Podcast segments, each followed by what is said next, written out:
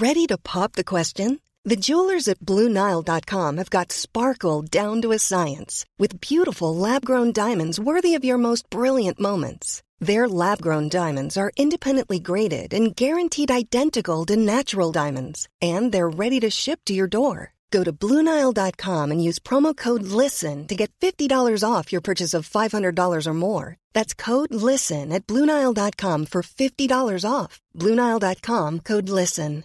Hey, I'm Ryan Reynolds. At Mint Mobile, we like to do the opposite of what Big Wireless does. They charge you a lot, we charge you a little. So naturally, when they announced they'd be raising their prices due to inflation, we decided to deflate our prices due to not hating you. That's right. We're cutting the price of Mint Unlimited from $30 a month to just $15 a month. Give it a try at mintmobile.com slash switch. $45 upfront for three months plus taxes and fees. Promo rate for new customers for limited time. Unlimited more than 40 gigabytes per month. Slows. Full terms at mintmobile.com.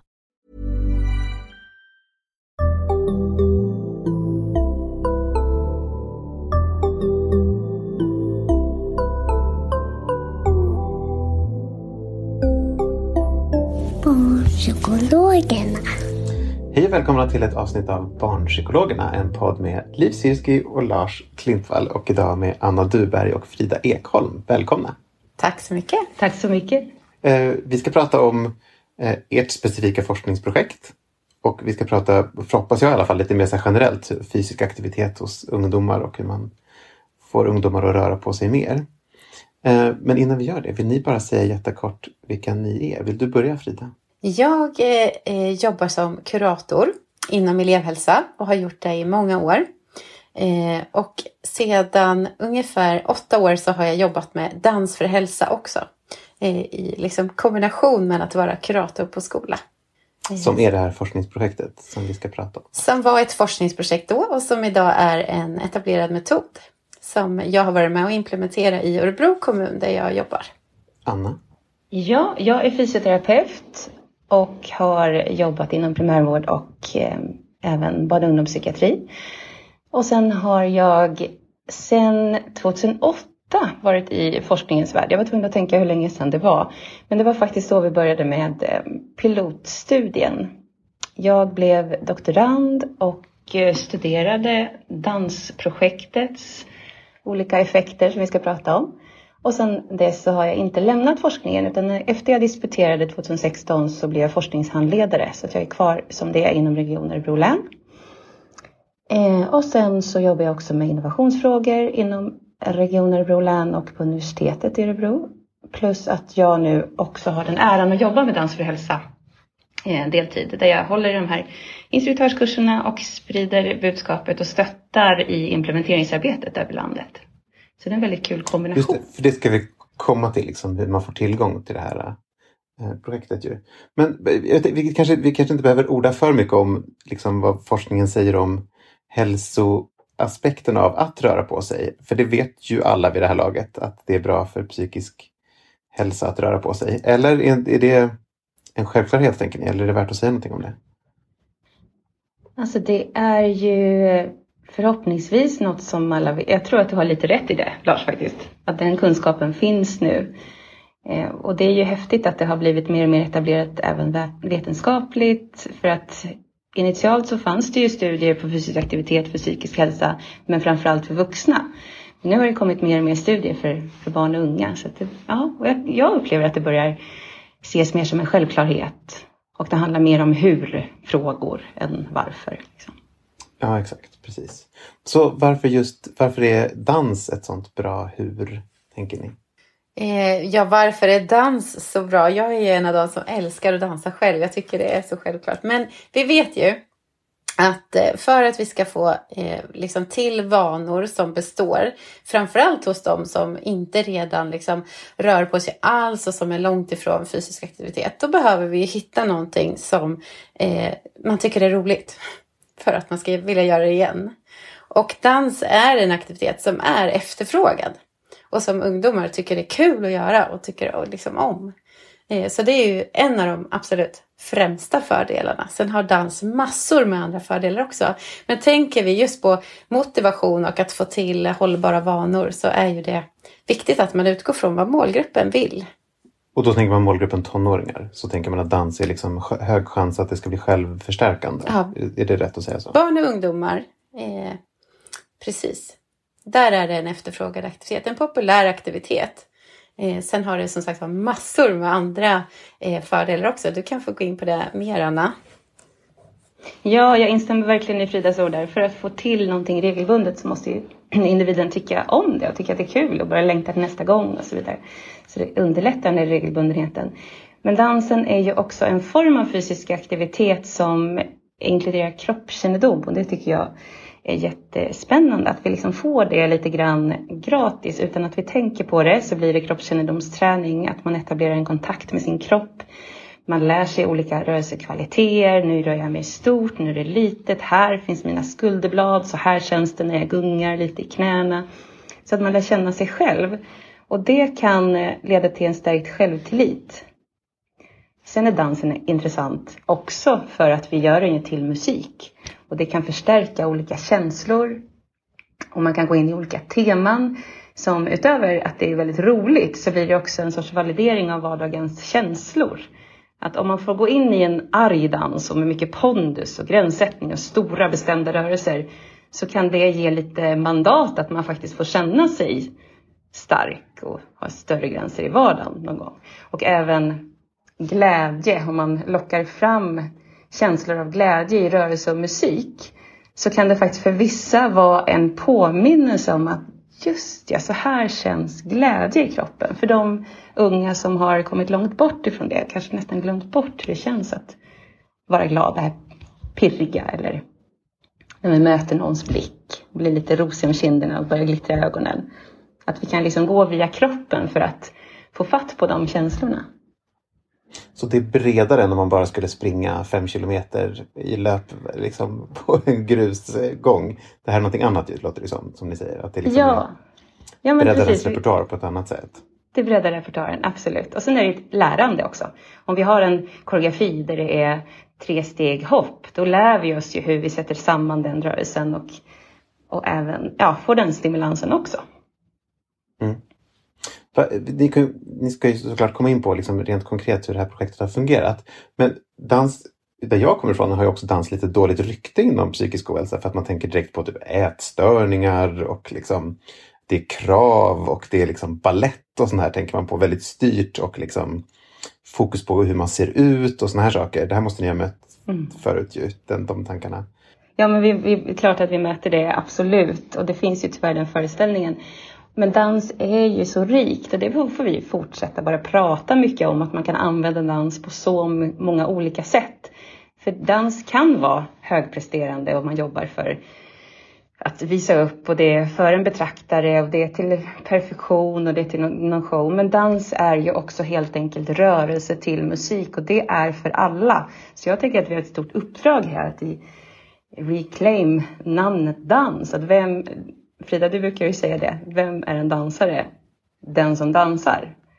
Så att det är mer för alla. Du får gärna fortsätta kommentera Frida. Ja, men det som har fungerat så bra eh, för våra ungdomar som står långt bort ifrån att vara med i en gemenskap, att vara med i fysisk aktivitet regelbundet, som vi faktiskt motiverar och som kommer tillbaka under ett års tid. Eh, de säger själva att om det inte var så för att det var så kravlöst, det här sättet att dansa som vi dansar på, så hade de aldrig kommit. Och de hade aldrig kommit tillbaka om de hade mött någonting annat än det. Så kravlösheten i våran metod, eh, den är jätte, jätteviktig. Så det går att få dans oerhört kravlös också. Eh, så det är ett jättespann, eh, som Anna säger. Jo, jag tänker att den här kravlösheten, det behöver man uppleva själv så att man förstår att det är på riktigt. För om någon har sagt till en, ja men det är helt kravlöst, kom som det är, vi bara dansar för att det är kul. Så kan man höra det rent logiskt, men förstår man det verkligen? Och en del är lite på sin vakt ändå när de kommer i början. Så då behöver vi som instruktörer, vi trygga vuxna runt omkring, verkligen få eh, initiera eh, verksamhet så att de får testa det och uppleva det, att det går faktiskt. Det spelar ingen roll med höger vänster. Det är din känsla som, som spelar roll. Bara kör. Kan ni inte berätta lite mer om, om liksom formatet för, eh, för forskningsprojektet? Alltså är, hur ser de här sessionerna ut eller sessioner eller vad ni kallar det för någonting? Och lite vad, ni liksom, vad är resultaten efter forskningsprojektet? Mm. Själva interventionen, som jag gärna kallar den, för det blir lite ödmjukt namn, för det är inte bara, bara just dansen, utan i hela interventionen så ingår också att eh, vi har den här sociala aspekten och vi har lekmoment och vi har ett eh, kort beröringsmoment, vid avslappning. Ehm, men i det så är det fyra nyckelfaktorer och det är rörelseglädje och det är kravlöshet och det är social gemenskap och det är lyfta fram det friska, alltså våra resurser. Så att vi pratar inte särskilt mycket, eller vi pratar faktiskt inte alls om besvären under tiden vi träffas, utan vi bara säger hej, kul att se er, nu kör vi och så på med musiken och sen är vi igång. Eh, och det, det togs fram under forskningsprojektet när jag utformade den här interventionen och det var den vi testade och då var det två gånger i veckan i två terminer eller åtta månader som vi utvärderade eh, före och efter. Och eh, jag ska bara säga det först att den, det upplägget, det har vi behållit genom åren nu när vi jobbar med Dans för hälsa i implementerad eh, verksamhet. Så 75 minuter brukar vi köra efter skoltid. Och rekrytering sker via elevhälsa, men det kan vi komma in på sen. Så själva studien eh, eh, resulterade i en avhandling, så det finns ju flera olika eh, typer av artiklar som har publicerats. Men den första handlade om genomförbarhet, att det överhuvudtaget gick. Det blev en god närvaro och eh, de som var med uppskattade att vara deltagare i den här interventionen. Jag var jätteödmjuk kan jag säga som doktorand när jag klev in i det här. Att hur, hur ska det här gå med den faktiskt svåraste målgruppen som vi som vi har. För jag vet att de tjejer, de hoppar av i hög utsträckning. Och vi riktade oss till flickor 13 till 18 år med återkommande stressrelaterad kroppslig och emotionell, emotionella besvär. Så, det kan vara vad som helst. Alltså det kan vara att de uppfyller diagnoskriterierna för någon diagnos eller inte. Det kan vara liksom mixad. Det kan vara mixat och det är väldigt generöst i de här inklusionskriterierna. Så att om man upplever återkommande alltså ont i magen, ont i huvudet, smärta som flyttar runt i kroppen som man inte vet vad det beror på eller återkommande känslor av oro, nedstämdhet eh, och depressionssymptom. Men allting sker i, genom en bedömning hos elevhälsan. Så de som ofta gick till skolsköterskan, det var ju, det var ju de som tillfrågades helt enkelt. Och så gick vi bredare än så. Men, ja, men rekrytering är också en sån här grej som vi kanske kan prata om än, ännu mer. Men det vi såg då, det var att de som hade varit med i dansen två gånger i veckan jämfört med kontrollgrupp som inte hade fått samma intervention under den tidsperioden, de stärkte sin självskattade hälsa mer än kontrollgruppen efter avslutad intervention. Och gällande de här kroppsliga och emotionella symptomen så sänktes de också mer i dansgrupp jämfört med kontrollgrupp. Och sen såg vi att daytime tiredness, alltså eh, trötthet under dagen, det minskade också i eh, interventionsgruppen. Och sen kvalitativa resultaten tycker jag är så spännande för då, då lyfts ju deras upplevelser fram. Och de pratade jättemycket om den här kravlösheten som Frida nämnde tidigare. Den var avgörande för att de skulle vilja och klara av att komma dit och för att de skulle kunna tänka sig att fortsätta regelbundet med det här. Eh, och de tyckte också att den sociala aspekten var jätteviktig. Möjligheten att få nya vänner var oerhört central för dem och att de kände att de faktiskt var med i en gemenskap där ingen dömde dem utan man fick komma som man var. Ehm, och det var okej. Okay. Så sammantaget i kvalitativa artikeln så, så har jag summerat det som att det är en förkroppsligad självtillit som de använder, inte bara i danssalen under den stunden utan att det spiller över på andra situationer i vardagen. Så att de kan ta mer plats i vardagen och våga mer i sociala sammanhang och eh, klara av att stå för sina skolkamrater i skolan om man har en presentation och så vidare. Och sen även hälsoekonomiskt eh, effektiv har vi sett att den här insatsen är. Och det är egentligen av tre anledningar. För då är det ökad livskvalitet som man väger in Eh, med kvalitetsjusterade levnadsår. Man ser att det är en låg omkostnad. Man behöver liksom inte köpa in någon utrustning mer än att man behöver en hyra för en sal och man behöver en instruktör och kanske några mattor. Men sen, sen är det ju väldigt billigt. Och sen såg vi att det blev en eh, minskad... de som var med i dansgruppen fick ett minskat antal besök i elevhälsans team. Så de som var med i kontro kontrollgruppen, de minskade också, men absolut inte lika mycket då. Så att det blir en alltså minskad, minskad vårdkonsumtion? Minskad vårdkonsumtion, precis. Mm. Så det är så man kan summera. Förlåt, det, det kanske jag borde ha förstått från början. Det, eh, interventionen är bara för tonårstjejer, är det så? Har det fortsatt vara så? Eller är det... Så här var det, när vi startade studien, då var det så tydligt att det var för tonårstjejer som det behövdes en insats. Det hade samma år kommit ut en eh, undersökning som visade att just tonårstjejer, vi såg i början på gymnasiet, hade en väldigt hög andel eh, som skattade nedstämdhet och det var ett stort behov. Så därigenom så riktade vi den här insatsen till flickor 13 till 18 år. Men nu i implementering så får man ta lokala beslut. Vill vi vara jättenära forskningen och göra precis likadant, bara erbjuda till tjejer, då får man göra det. Annars så rekommenderar jag att man erbjuder den här insatsen till ungdomar.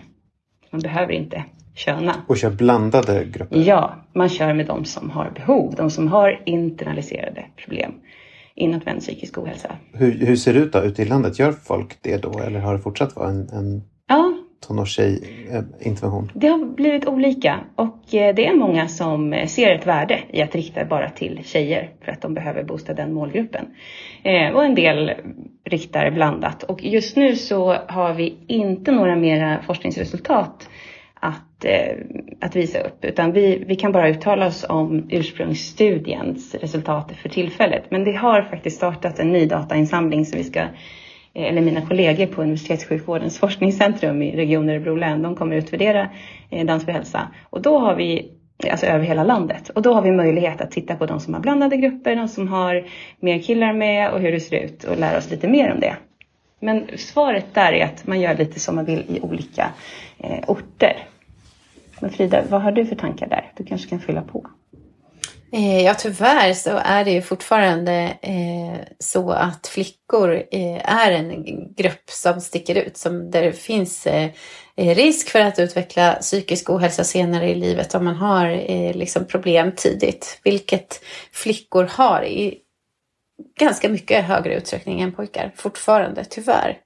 Eh, så, så därför finns det ibland behov eh, av det. Och vi har haft eh, rena tjejgrupper i Örebro kommun. Och det våra flickor säger är att eh, vi hade inte kommit om det var blandade grupper när vi har frågat dem själva. För det verkar som att det fortfarande är väldigt viktigt med girl environment only. För att känna sig eh, trygg i den här gemenskapen om man redan har de här eh, liksom problemen eh, med att inte känna sig inkluderad i något sammanhang annars. Eh, det, det ger en, en trygg och lugn atmosfär tycker de här tjejerna själva. Eh, sen vill vi, vi är på väg att ta steget att eh, erbjuda alla ungdomar för det är många viktiga grupper vi missar genom att säga att det är bara för tjejer.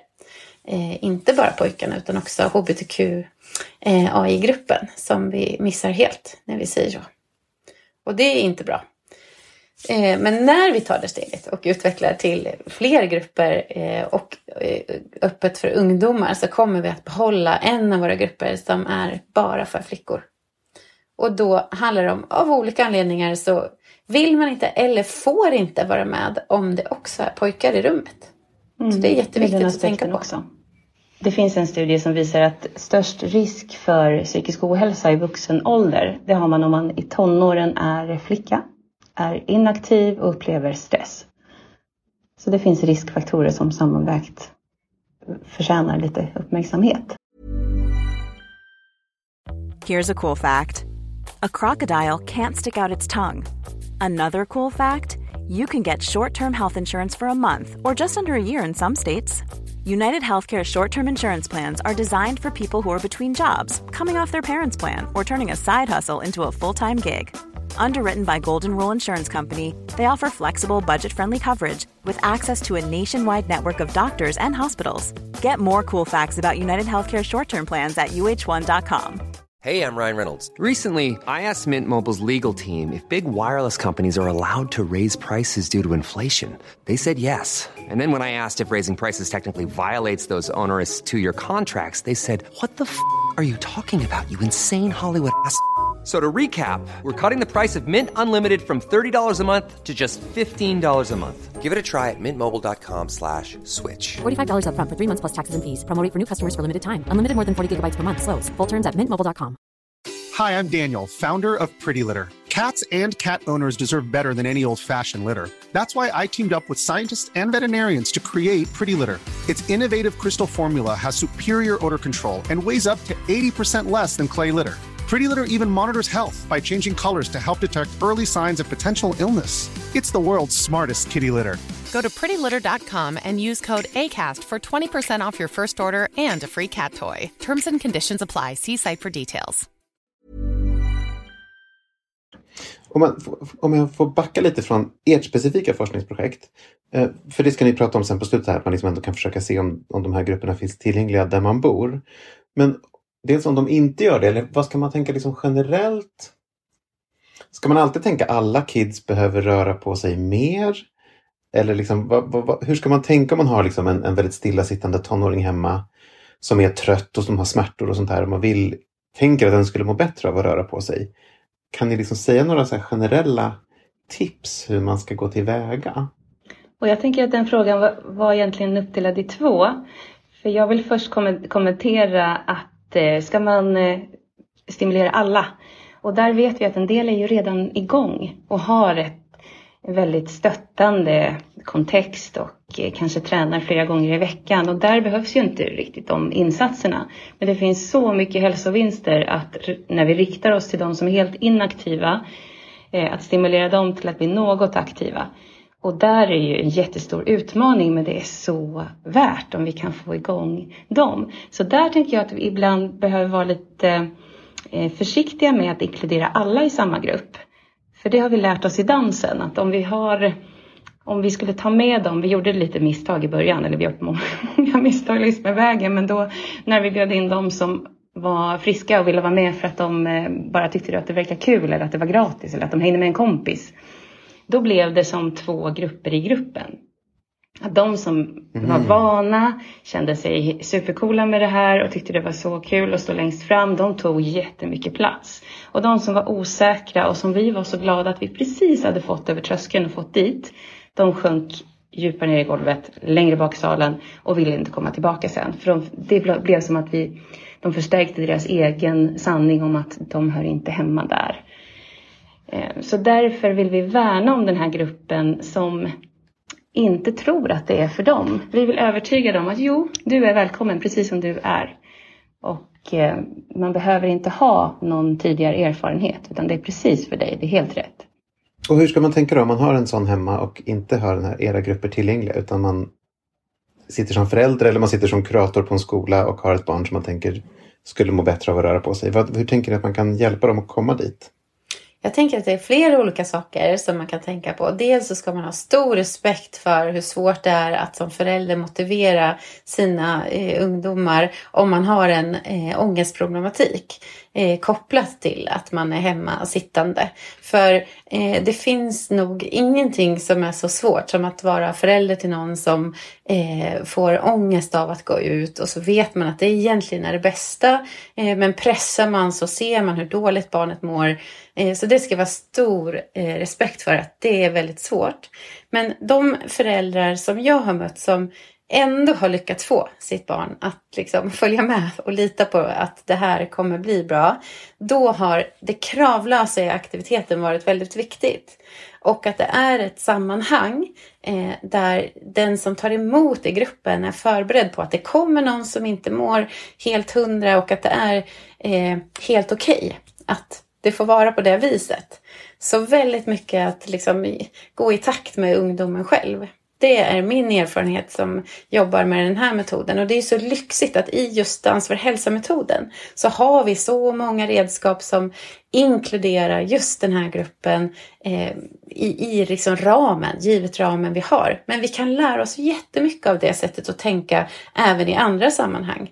Eh, ungdomarna själva frågar varför finns det inte någonting som är lika kravlöst någon annanstans? Varför gör man inte så här inom alla idrotter? Alla sätt att röra på sig, alla aktiviteter. Att man också kan erbjuda ett kravlöst alternativ.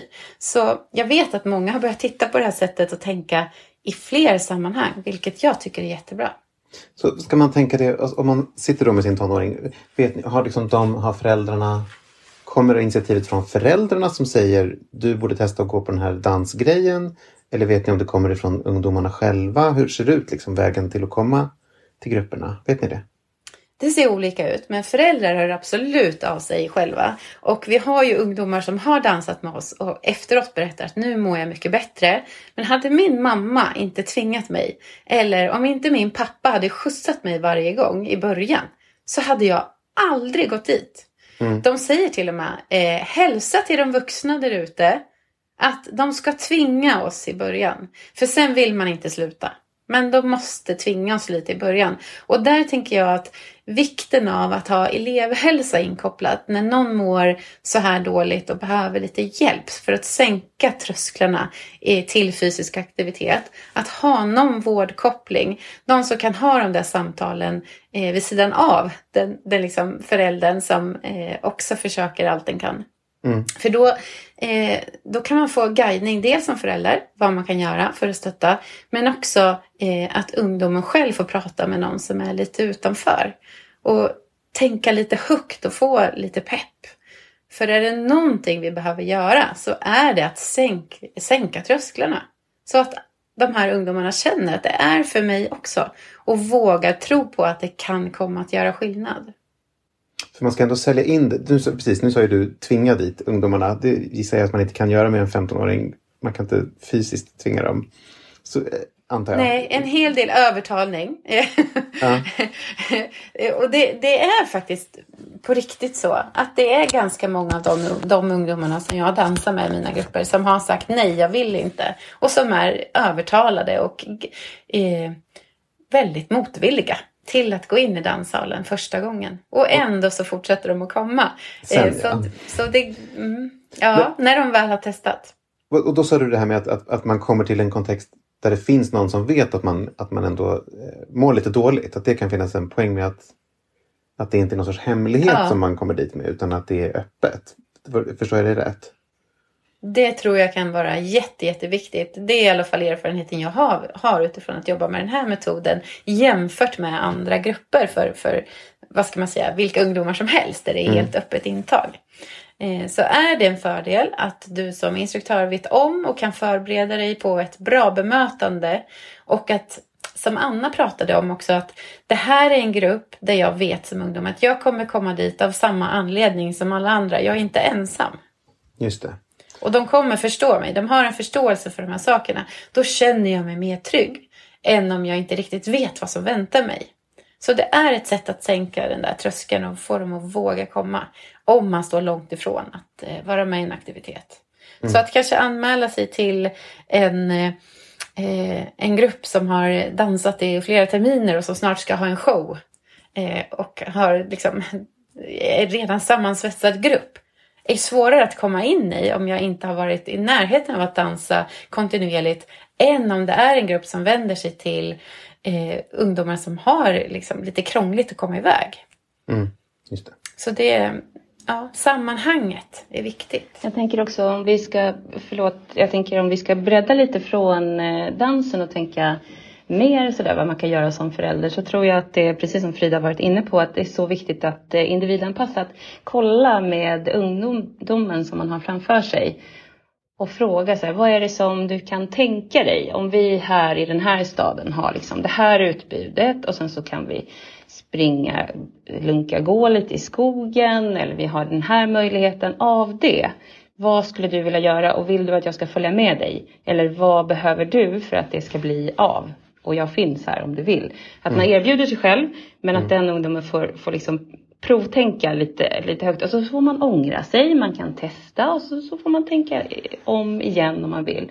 Men ta det stegvis och säga att det är helt okej okay om du känner sen att du hellre vill prova någonting annat så att man är lite flexibel i början. Jag tänker på de jag mött inom, inom fysioterapin. Då har det varit väldigt mycket önskemål om att gå till något närliggande gym med sällskap, för man törs inte gå dit själv. Då har de sagt att ja, men om du hänger med en gång, då, då kan vi göra det. Och så väljer vi bara två, tre saker som vi gör och överlever det. Och sen märker de att ja, men då mm. kanske jag kan själv nästa vecka. Nu vet jag hur man gör med dem. Verkligen steg för steg och att påminna om att det lilla, det räknas också. Men tänk, det, det, det ni sa precis i början var ju det här med att för att det ska funka så måste det vara roligt. Eh, för att man ska fortsätta göra det. Um, nu säger jag det bara för att jag inte själv tycker att det är så kul att gå till gymmet. Jag tycker det låter supertråkigt att gå dit. Eh, men är det någonting man liksom måste hjälpa ungdomarna med att hålla ögonen på? Så här, men tyckte du att det här var kul nu? Eller liksom, det låter ju dumt i och för sig att utvärdera det på det sättet. Men förstår ni vad jag fiskar efter? Att hjälpa dem att hitta en aktivitet som faktiskt är kul och inte bara att de går dit som regel. Typ. Mm, det måste, de måste ju uppleva en lust, annars så kommer de inte vilja gå tillbaka. Eh, så, så är det. Och jag tror inte så himla många egentligen tänker på gym när de tänker på roligt. Men, men de exempel som jag kom på nu var faktiskt det. Men i, och det är där vi har så mycket fördelar med dansen för att det är, ligger så mycket glädje i den typen av aktivitet. Men ja, jag tänker som du sa Lars, att, att få dem att själva se det är också viktigt. Eh, att fråga efteråt, hur var det? Eh, jag såg att du tyckte det var roligt. Att använda liksom, bekräftelser, att eh, använda frågor, att hjälpa dem att sätta ord på vad var det? Om det var en enda liten sak som var bra med att gå dit, vad var det?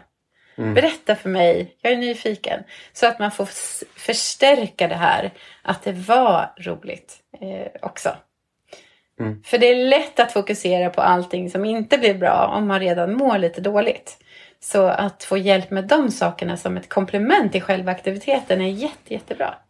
Det har vi ju verkligen lärt oss över åren, att det är så viktigt att förstärka det, det positiva. Att de själva får säga efteråt, vad var det som var extra bra för just dig just idag? Har vi en liten runda i slutet. Och det har, har de använt som, som inspirationskälla, vad de andra tyckte var extra roligt idag och så har de påmint sig själva om att ja, men jag tyckte ju faktiskt den där leken och då har de börjat längta till nästa gång vi ska göra just det, det momentet. Så det är intressant. Mm. Och just i vår metod så är det också alltid en skolsköterska eller en kurator inkopplad vid sidan av att man också går i dan på dansen. Och där jobbar man ju med motiverande samtal mellan gångerna, vilket har varit jätteviktigt för att stärka motivation ytterligare, få den att komma nästa gång igen. Eh, för motivation är ju en färskvara för oss alla. Eh, så. Eh, när det gäller fysisk aktivitet så är det vi, vi är många som behöver liksom fylla på vårt varför regelbundet för att hålla i och hålla ut.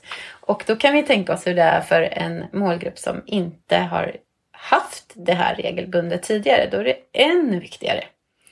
Så elevhälsan, återigen, det är smart att koppla på elevhälsa eh, när man vill göra en livsstilsförändring eh, som ung. För då har du någon som möter dig. I skolan är du, finns i det här sammanhanget eh, som kan följa upp och ställa frågor runt det så att vi hela tiden kan bibehålla motivation. Om man vill, eh, jag tänker att man vet ett barn som skulle må bra av att vara med i en av de här grupperna. Hur, hur tar man reda på om det finns tillgängligt? Vet ni vart det finns tillgängligt? Hur gör man rent praktiskt? Jag tänker att man kan göra på två sätt. Dels så kan man gå in på Dans för hälsas hemsida, dansforhälsa.se, så kan man titta under en flik som heter Här finns vi. Då är det en Sverigekarta där. Då kan man zooma in på sin ort och se kontaktuppgifter till den som är utbildad instruktör just i den orten och se om det är igång, var grupperna finns och få lite stöd den vägen. Men man kan ju också förstås efterfråga på sin skola.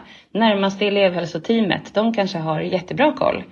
Eller ibland finns det också på vårdcentraler att man faktiskt eh, frågar där eller inom barn och ungdomspsykiatrin.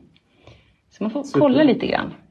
Mm. I Örebro kör ni väl på eh, hemsidan på mm. kommunen? Ja, vi har två grupper igång här och vi dansar eh, två gånger i veckan för båda grupperna. Och vi eh, använder väldigt mycket, när vi rekryterar vi elevhälsan här så använder vi väldigt mycket de filmer som finns Eh, på hemsidan dansforhalsa.se. Där finns det några filmer där ungdomar själva som har dansat berättar om hur det var för dem. Före, under och efter.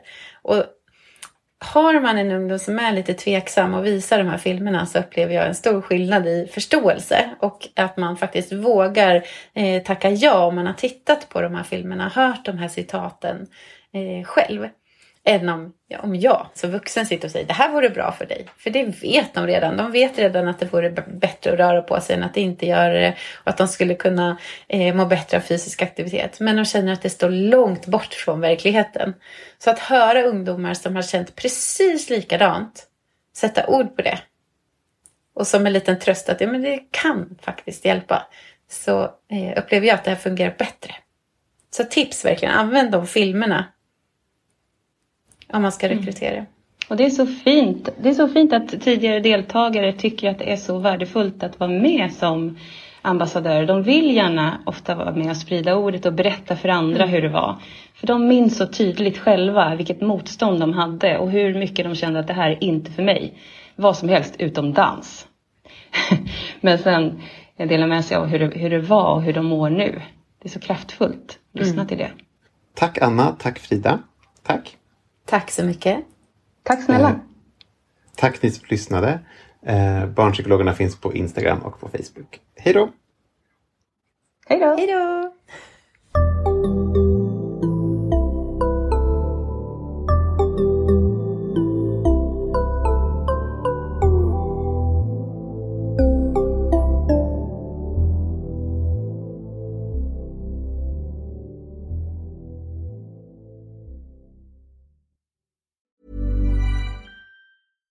Hey, it's Paige DeSorbo from Giggly Squad. High quality fashion without the price tag. Say hello to Quince.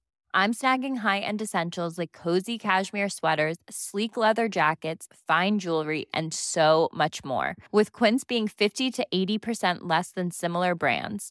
And they partner with factories that prioritize safe, ethical, and responsible manufacturing. I love that. Luxury quality within reach. Go to quince.com slash style to get free shipping and 365 day returns on your next order. Quince.com slash style. Imagine the softest sheets you've ever felt. Now imagine them getting even softer over time. That's what you'll feel with Bowl and Branch's organic cotton sheets. In a recent customer survey, 96% replied that Bowl and Branch sheets get softer with every wash. Start getting your best night's sleep in these sheets that get softer and softer for years to come. Try their sheets with a 30-night guarantee. Plus, get 15% off your first order at bowlandbranch.com. Code BUTTERY. Exclusions apply. See site for details.